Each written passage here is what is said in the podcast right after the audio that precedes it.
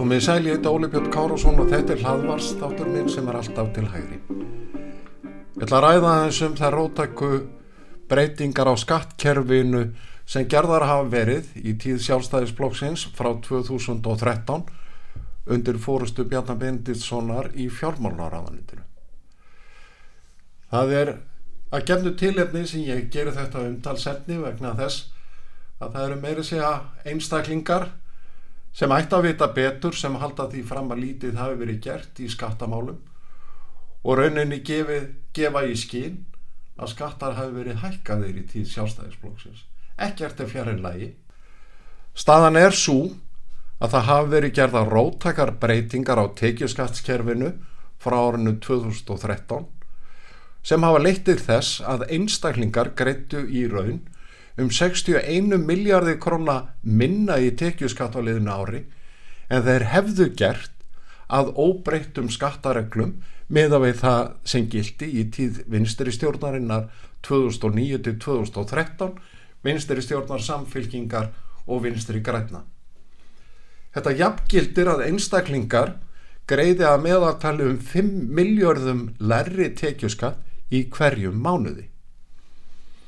Þessa upplýsingar koma fram í ítalegu svari fjármál og efnaðarsaðraðunitsins við skrifleiri fyrirspurn minni um breytingar á skottum og gjöldum frá árinu 2013. Svari byrtist í oktober síðastlinum og þar kemur fram að skattar hafi verið hækkaðir 28 sinum en 63 sinum lækkaðir. Á síðast ári má ætla að samalögð áhrif hækkana og lækkana á föstuverðlegi 795 um miljardar krónna til lækunar og ef við draugum frá kóitaðgerðirnar sem voru þetta tímabundnar þá nefnur skattalækunin um 85 miljardum. Alls greittu einstaklingar um 333 miljardum krónar lærri fjárhæð í tekjuskatt á 11 ára tímabili þar að segja 2013 til 2023 en þeir hefðu greitt eða skatt hlutvöld og skattareglur hefðu verið óbreytt frá tíð vinstri ríkistjóðnarinnar sem ég nefndi á þann. Þá hafa tryggingagjöld verið lækkuð verulega og sama má segja um totla og öll almenn vörugjöld hafa verið fælt niður, erðafjárskattur lækkaður og fjármástekjur skattur lærri tekjuhópa lækkaður með verulegri hækkun frítekjumars. Alls eru þeir skattar sem hafa lækkað nær 128 miljardum lærri en þeir væru að óbreyttu stefnu vinstri stjórnarinnar. Á móti koma ymsar skattahækkanir alls upp á 43 miljardar. Lækkun upp á 128, hækkanir upp á 43. Þetta þýðir að uppsöfnuð lækkun skatta og gjalda er um 760 miljardar krona á föstu verðlegi.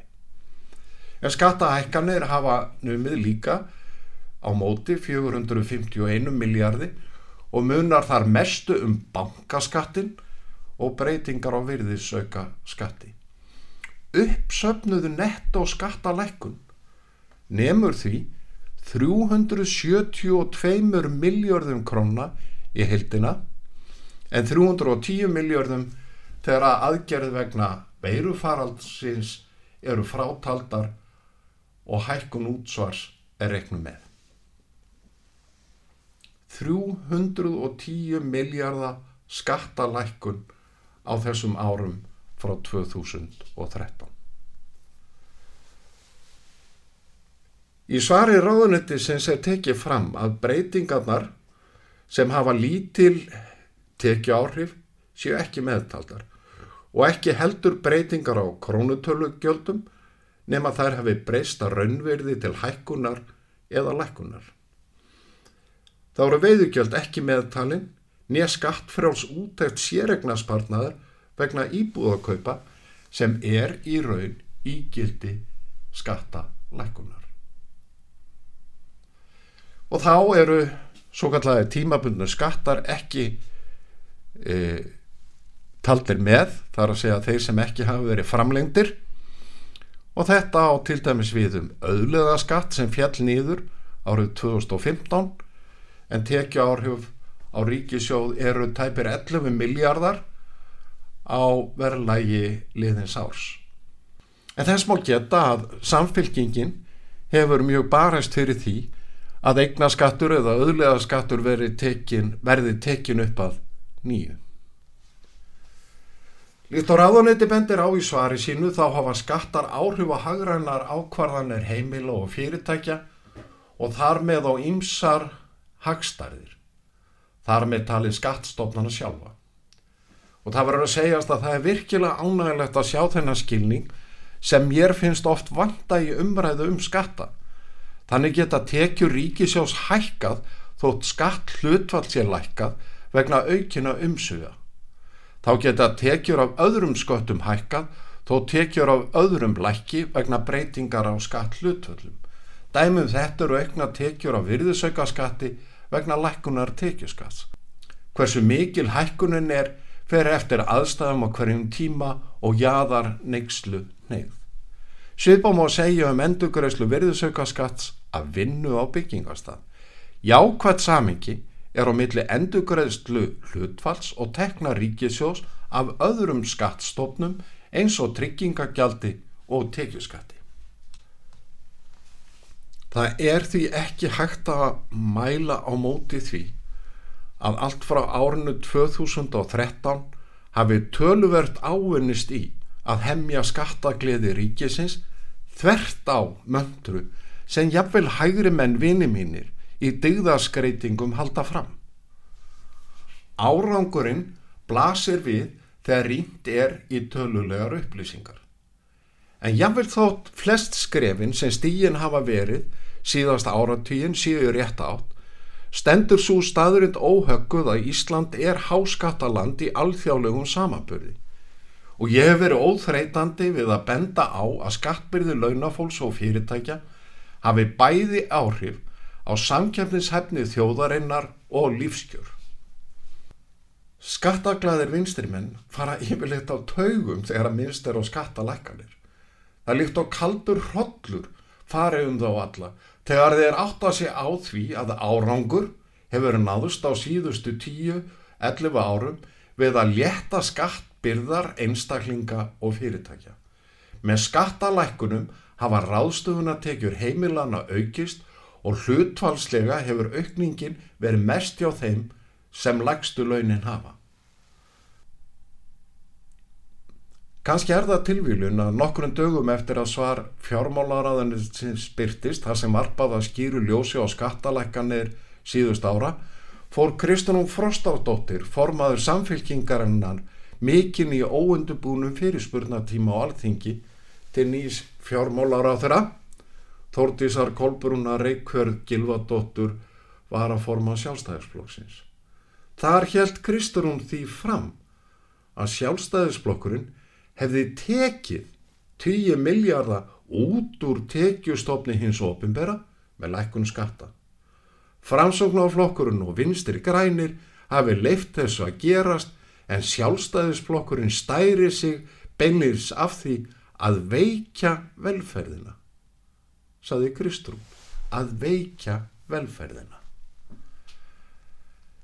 Ég verða að viðkjanna að ég varð fyrir nokkurum vombriðum þegar í ljós kom að Kristrún gefur hinnu skattaglöðustu úr hópi vinstrimanna ekkert eftir.